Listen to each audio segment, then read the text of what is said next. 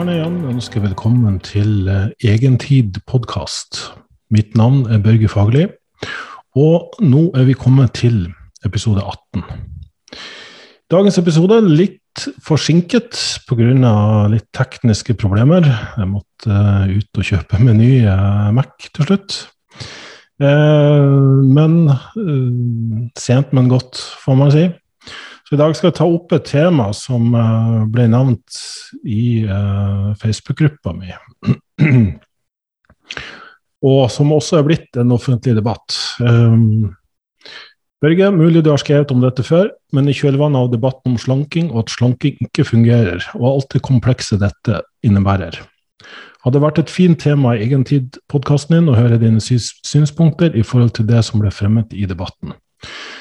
Jeg har vært og lest litt om hva den debatten går på, og jeg har også sett den eh, serien som heter Et fett liv med Ronny Brede Aase som egentlig handler om hans uh, vektproblematikk. Han fikk beskjed av legen om at han uh, hadde farlig fedme, og uh, starta da et prosjekt på å kunne gå ned i vekt.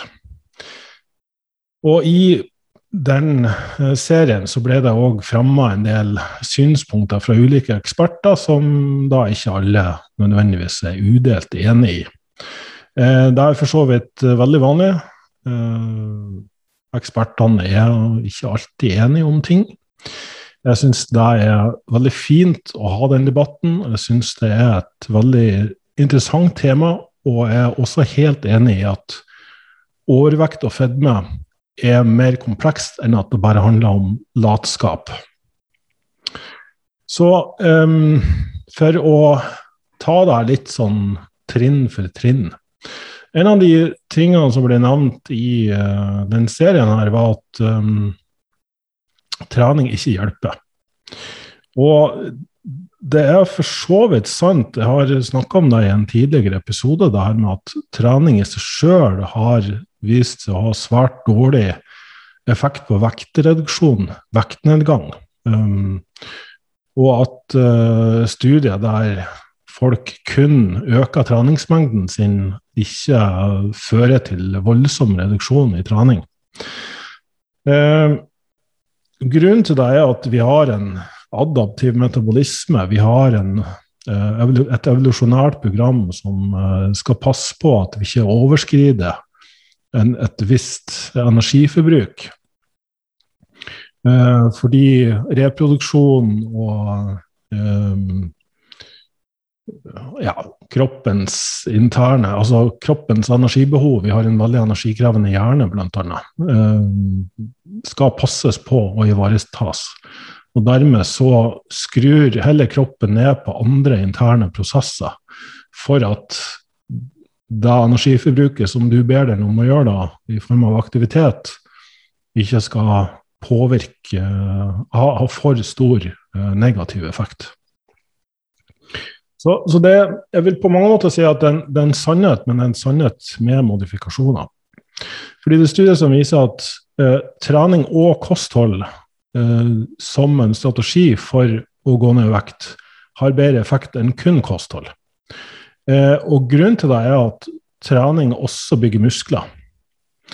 Eh, og så er det han som uh, Herman Ponser heter han, som har skrevet ei bok som heter 'Burn', for øvrig veldig anbefalt lesning, um, har uh, egentlig kommet med akkurat samme påstand, at trening i seg sjøl ikke nødvendigvis hjelper mot vektnedgang, men det betyr ikke at du ikke skal trene, at trening ikke hjelper for noe som helst.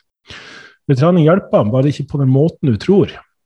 Trening er viktig for at musklene skal ha den funksjonen de er ment å ha. Vi er skapt for å være i bevegelse og aktivitet. Trening bygger muskler, og eh, trening vil bidra til å regulere både immunforsvarsfunksjon og inflammasjon i kroppen. Prosesser som en inaktiv kropp gjerne eh, får en dysfunksjon i, sånn at det kan oppstå inflammasjon, altså en lavgrads betennelse, eller høygrads alt ettersom, eh, og et immunforsvar som blir under- eller overaktivt. Med overaktivt menes at det kan til og med begynne å angripe kroppens egne celler. Og underaktivt menes da at det ikke gjør den jobben det skal med å um, bekjempe virus og bakterier og parasitter. Uh, Gøran Hjelmeset er jo en professor som er ganske velkjent. Han er ekspert på overvekstproblematikk og har jo uh, tatt litt sånn til orde både for og imot de påstandene fremma i den serien.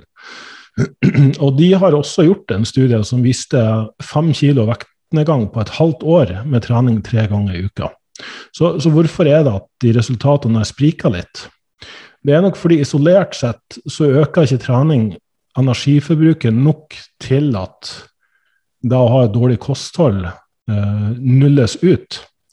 Men når folk begynner å trene, så har det ofte en veldig psykologisk positiv effekt på at de samtidig begynner å bli litt mer bevisst på matvalgene de tar. Og det er noe som heter healthy user bias, der mange kostholdsfilosofier eh, som viser positiv effekt i ulike studier, kan forklares med at den personen som følger det kostholdet, er opptatt av å ha god helse.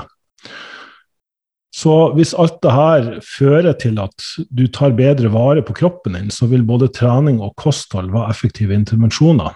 Men grunnen til at det ikke blir bærekraft eller er en ultimat løsning for overvekstproblematikken, er at her er veldig mange faktorer som spiller inn.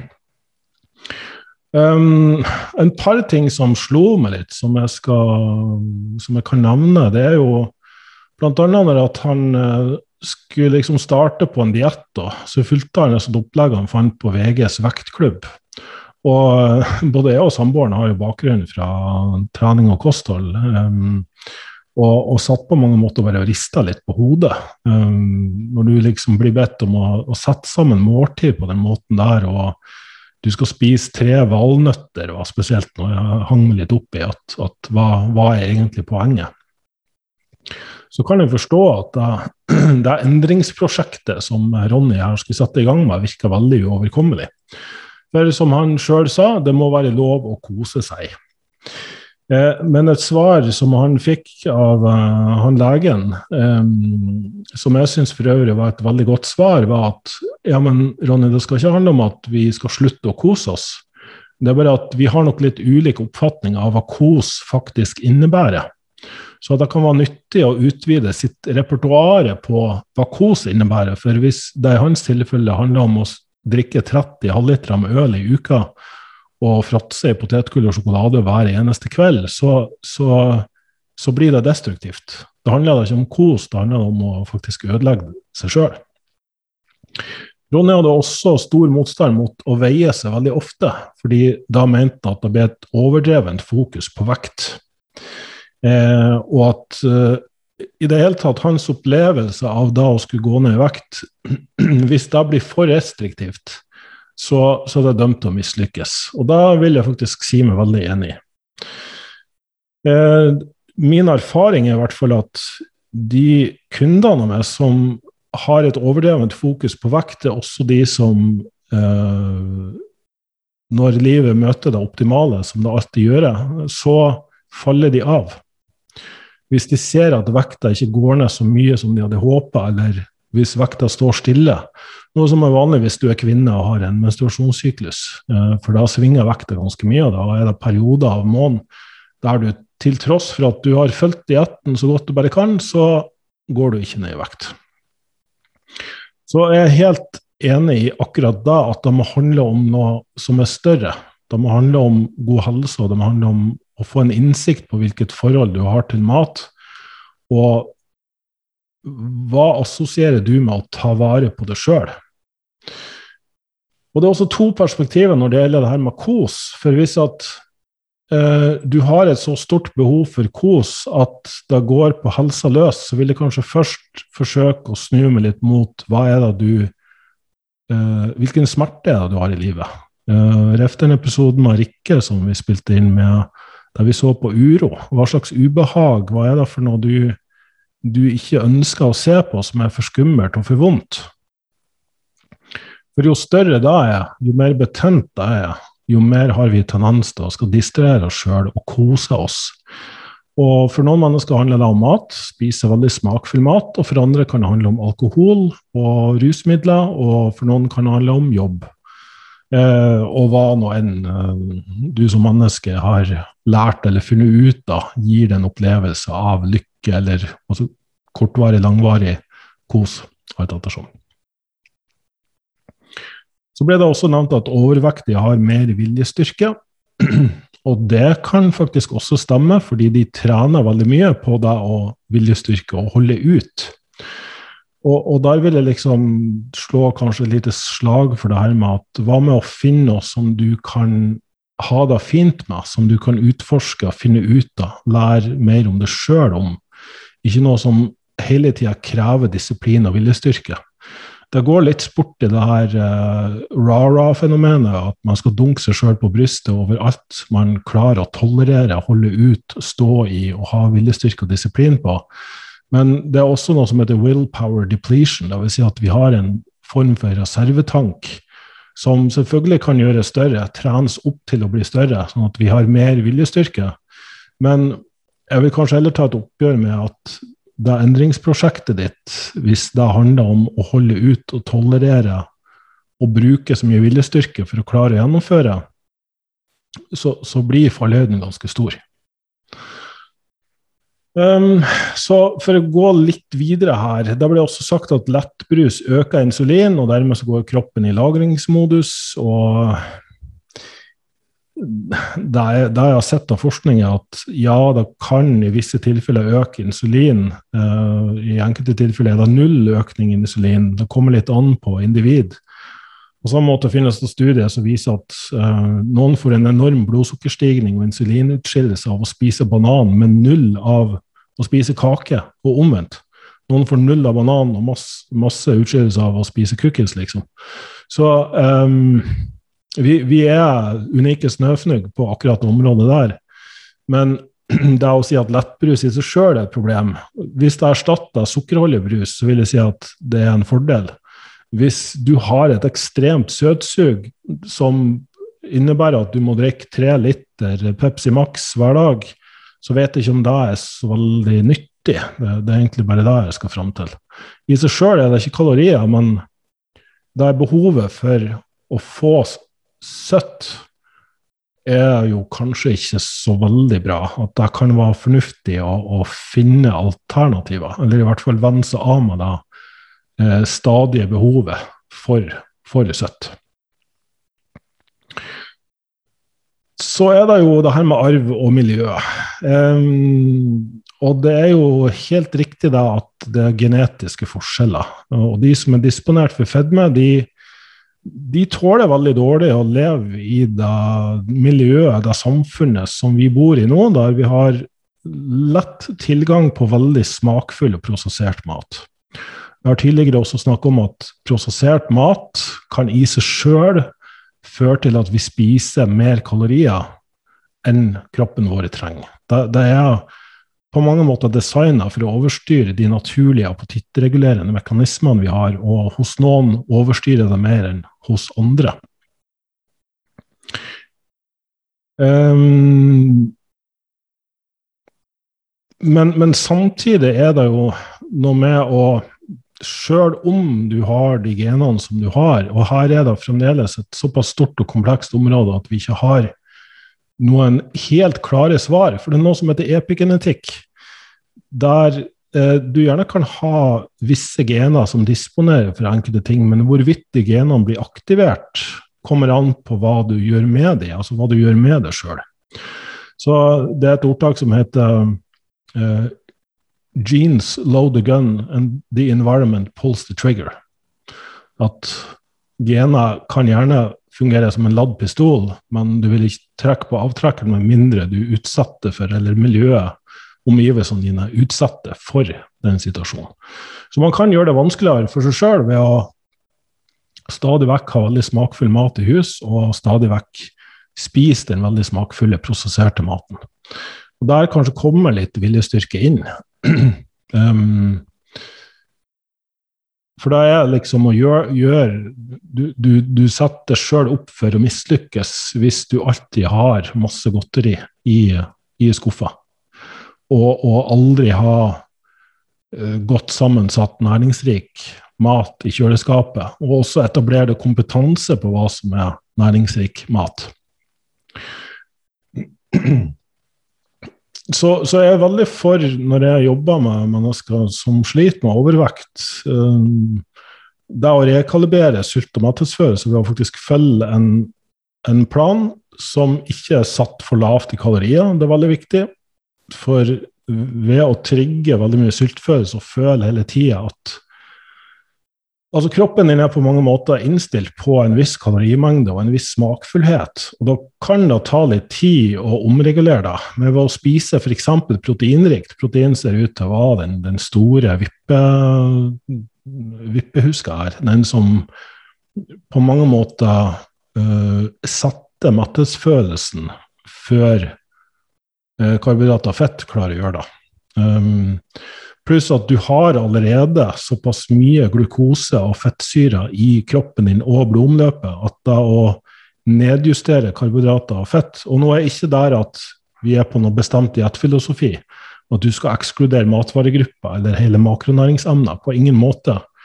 Men, men, siden det er så mye karbohydrater og fett i systemet ditt, så kan det være fornuftig å få mindre av det fra kostholdet.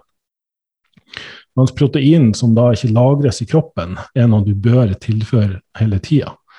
Så, så, eh, vil det i seg sjøl gjøre at uh, mange opplever bedre mattesfølelse og, og, klarer å gå ned i vekt. Um, når det gjelder uh, genetikk, så er det også sånn at hvis du er veldig overvektig som barn og gjennom puberteten, så dannes det flere fettceller og det kan gjøre det vanskelig å få en veldig lav fettprosent. Fordi selv om fettcellene blir mindre og skrumper inn, så har du flere av de enn normalt. Så, så der også, og, og, når vi så på bildet av Ronny der, så var han jo ganske kraftig allerede som barn. Så at han har det vanskeligere, da har ingen problemer med å tro. Vi har òg en intern regulering av metabolismen. Vi har hormoner som styrer opplevelsen din av om du har energi i overskudd eller underskudd, eh, bl.a. leptin og insulin. Eh, en overvektig person har mer inflammasjon. Reft har vi snakka om at inaktivitet også kan føre til inflammasjon. Eh, og dermed forstyrrelser i de signalene og, og forstyrrelser i forbrenninga som, som gjør at den mettheten du normalt sett ville fått av en viss kalorimengde, ikke er like effektiv. Så der også er det mer utfordrende for overvektige. Det kan kreve litt mer viljestyrke og disiplin, men jeg mener fremdeles at man kan gjøre det enklere for seg sjøl ved, å ikke gå altfor ekstremt til verks.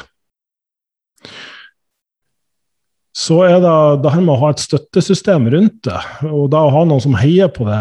Øh, og kanskje også er normalvektig. Altså, det er jo gjerne sånn at uh, hvis alle rundt er overvektige, så er det ganske vanskelig for det å, å, å gå ned i vekt. Uh, du vil sannsynligvis møte på motstand fra de andre som ikke ønsker å endre seg, eller kan endre seg, alt ettersom.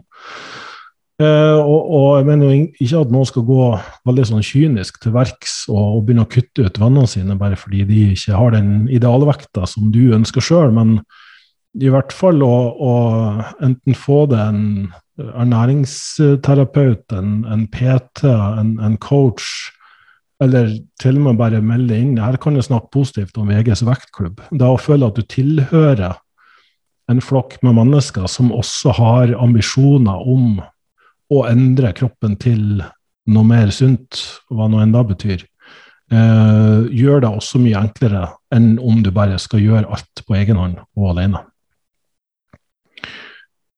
Stresshåndtering og det her med tidsklemme Har man en opplevelse av at man aldri strekker til, eller at man aldri har tid til noe, så, så kan jeg òg forstå at det er lettere å ty til lettvinte løsninger.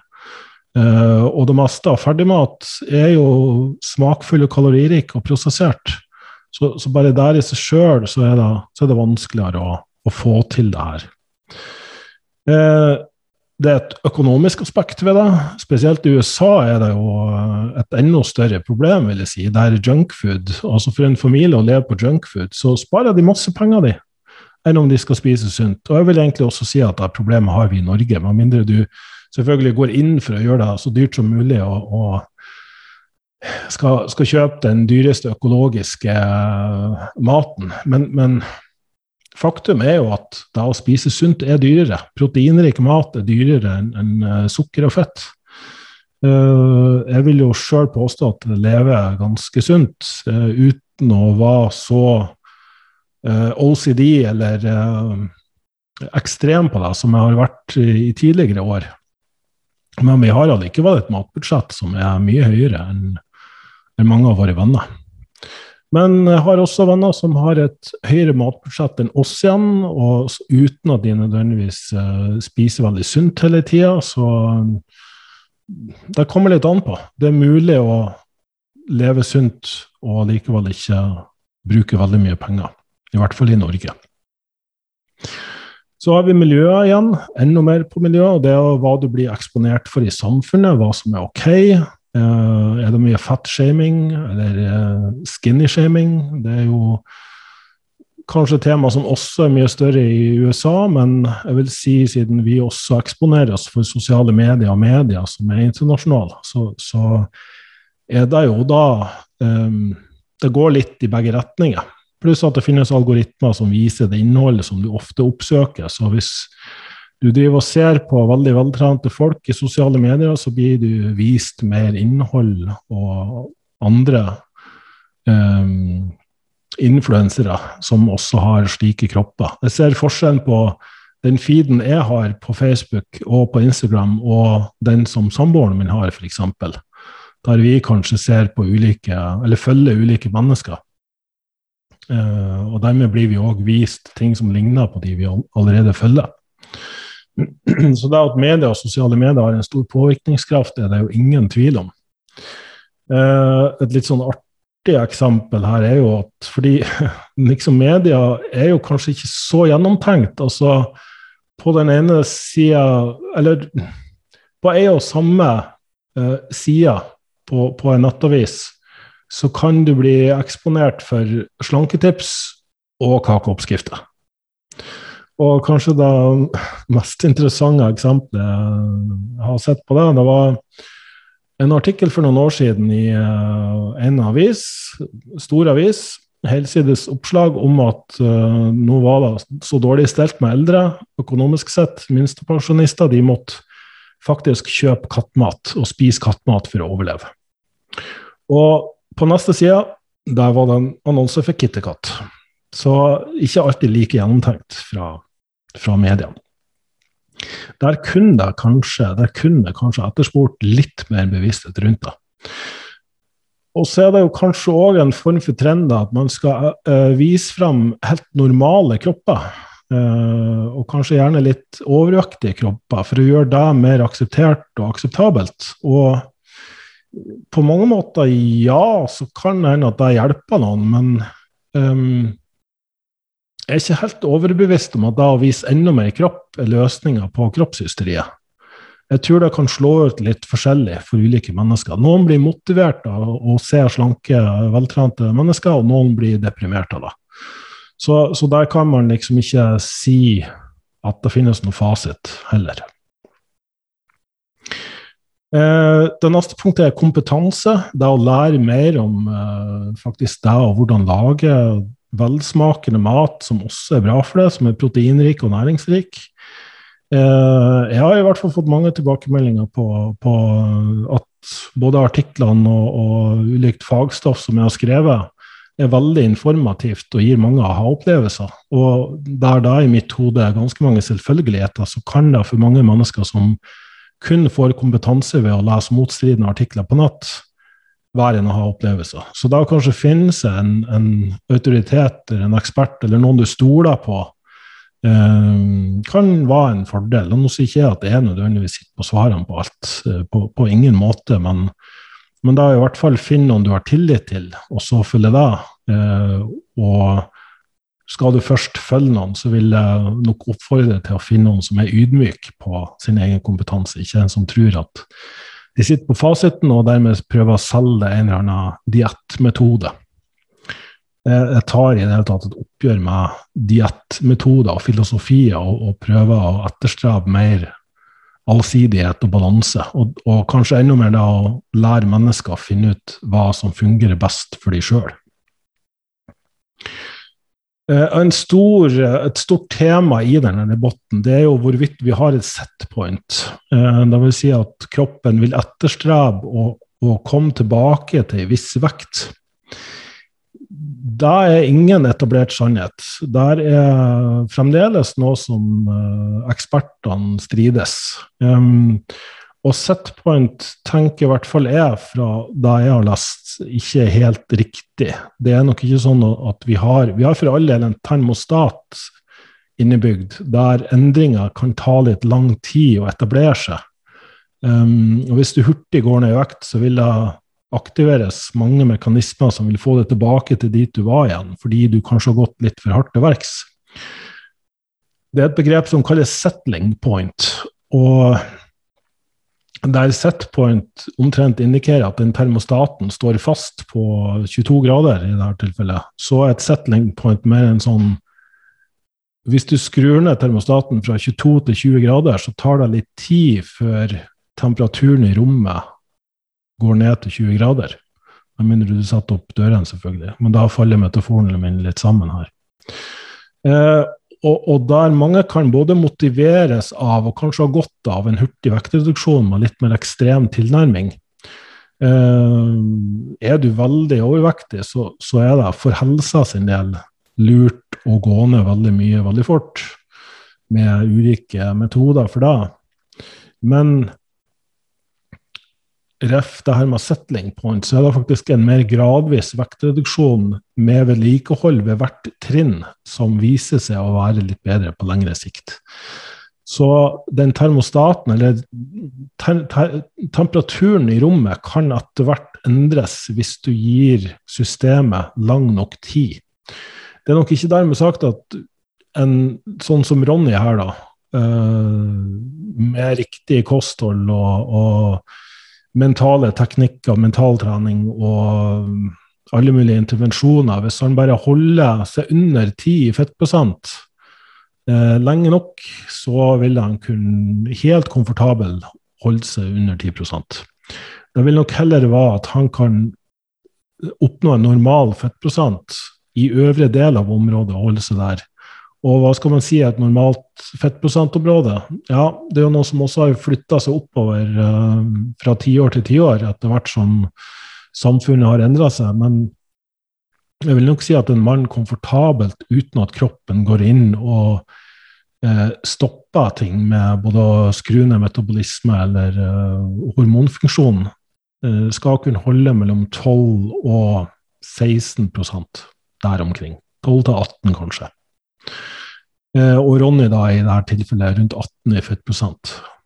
Nå det, det, er litt dumt for meg å sitte her og oppgi de her prosentene, fordi da varierer også med uh, målemetode og, og, mange faktorer. Men, men, det er i hvert fall ikke veldig skrapa for fett. Du har uh, en viss essensiell fettmasse som er nødvendig for overlevelse. Og den er rundt 2-3% for menn, og så er den rundt 9-10 for kvinner. Eh, så tallet for kvinner vil være desto høyere. Det vil si ja, Jeg har sett kvinner som komfortabelt kan holde 18-20% men for de fleste er vi nok nærmere 22-25% Da kan du komfortabelt holde det der uten å føle at du lever veldig restriktivt eller må gjøre mange drastiske ting, og, og også ha litt kalla kos i hverdagen, da. Um, og, og, dermed er vi der at da å kunne sette realistiske, oppnåelige mål, uh, og så bygge inn gode vaner, for det er prosessen det må handle om, ikke målet. Målet kan være overordna som noe å sette kursen mot, men du må også kunne nyte reisen dit. Så jeg vil nok si at det er de langsiktige vanene når ting går på automatikk, som til slutt avgjør hvorvidt du lykkes med det endringsprosjektet ditt eller ikke. Og med en stadig bevissthet på hvordan du har det på innsida, hvordan du har det med deg sjøl. Eh, jeg har sett stor forskjell på enkelte der jeg faktisk snakker de bort fra å tenke på vektreduksjon eller vekt som et prosjekt, og heller hvordan er det, og hva det er. Hvordan har du det med deg sjøl, hvordan kan du ta bedre vare på deg sjøl. Uh, og da å få et mer avslappa eller et mer normalt forhold til mat, i stedet for at mat skal være straff, belønning eller et middel mot et mål, for å si det på den måten. Uh, og jeg vet at det maser veldig mye om det her, men, men hele den modellen som selges veldig mye der ute, med at det finnes et ideal, og det er noe i veien med det, jo lengre unna det idealet du er. Både hvordan du tenker, hvordan du ser ut, uh, hvor mye penger du har, hvor fin bil du har. Uh, da syns jeg ikke ser ut til å gi den ønska effekten. Uh, jeg jeg syns det virker som om folk blir mindre motivert, mer motløse og håpløse mer misfornøyd med seg sjøl. Uh, og, og, vi har allerede en indre kritiker som, som, går på repeat og kommenterer alt vi foretar oss, og hvorvidt vi lever optimalt og gjør ting optimalt. Og skal mene veldig mye om um, hvorfor vi fremdeles ikke er der vi burde være. Og min erfaring er rett og slett at jo mer oppmerksomhet vi gir den indre stemmen, den kritikeren, jo, jo verre har vi det med oss sjøl, og jo mer destruktiv blir vi. Så man kan gjerne snuse den retninga, møte liksom den stemmen, eller se mer på hva er det som ligger der. Men jeg vil også slå et slag for å snu det mot hva som faktisk er bra i livet ditt, og, og skape mer bevissthet rundt der du er akkurat nå, akkurat sånn som ting er nå. Um, og så er det jo kanskje det med at noen er jo redd for at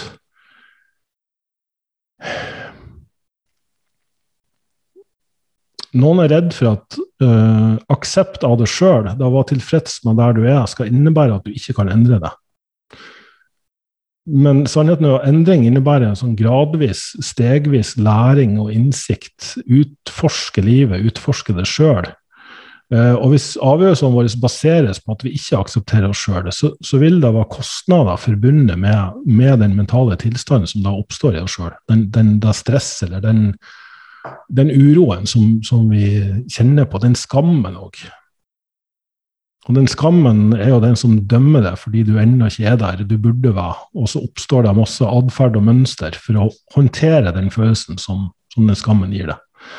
Um, så, så jeg tenker at vi, vi, er alltid i endring. Vår mentale verden og vår fysiske verden er i stadig endring, aldri permanent. Men hvis du heller med litt vanlighet og nysgjerrighet kan begynne å utforske hvilke retninger livet kan ta og Nå merker jeg at jeg blir veldig filosofisk her på slutten, så det er ikke meninga at alle episodene skal bli så voldsomt filosofisk, men det, det her er et veldig komplekst problem. og, og jeg vil ikke at noen bare skal akseptere at det er sånn at uh, ja, altså var glad i seg sjøl, alt det her, for all del uavhengig av vekt, støtter den fullt ut. Men det betyr heller ikke at du ikke kan endre det, og at det kanskje til og med kan være nyttig eller øh,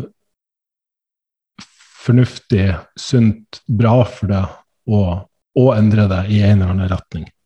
Både opp og ned i vekt, for den saks skyld at det kan også være lærerikt å se om det er mulig å innarbeide vaner som gjør at det skjer ting.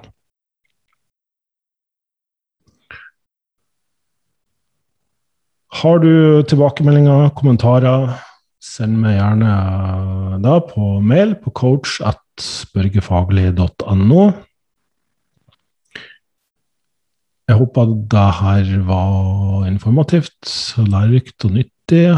Og hvis du hørte så langt og syntes at det her var fint, så vil jeg skamløst be deg om å gi meg en uh, tilbakemelding om det på uh, den podkastkanalen du følger, om det er iTunes eller Spotify eller hvor det nå enn er han.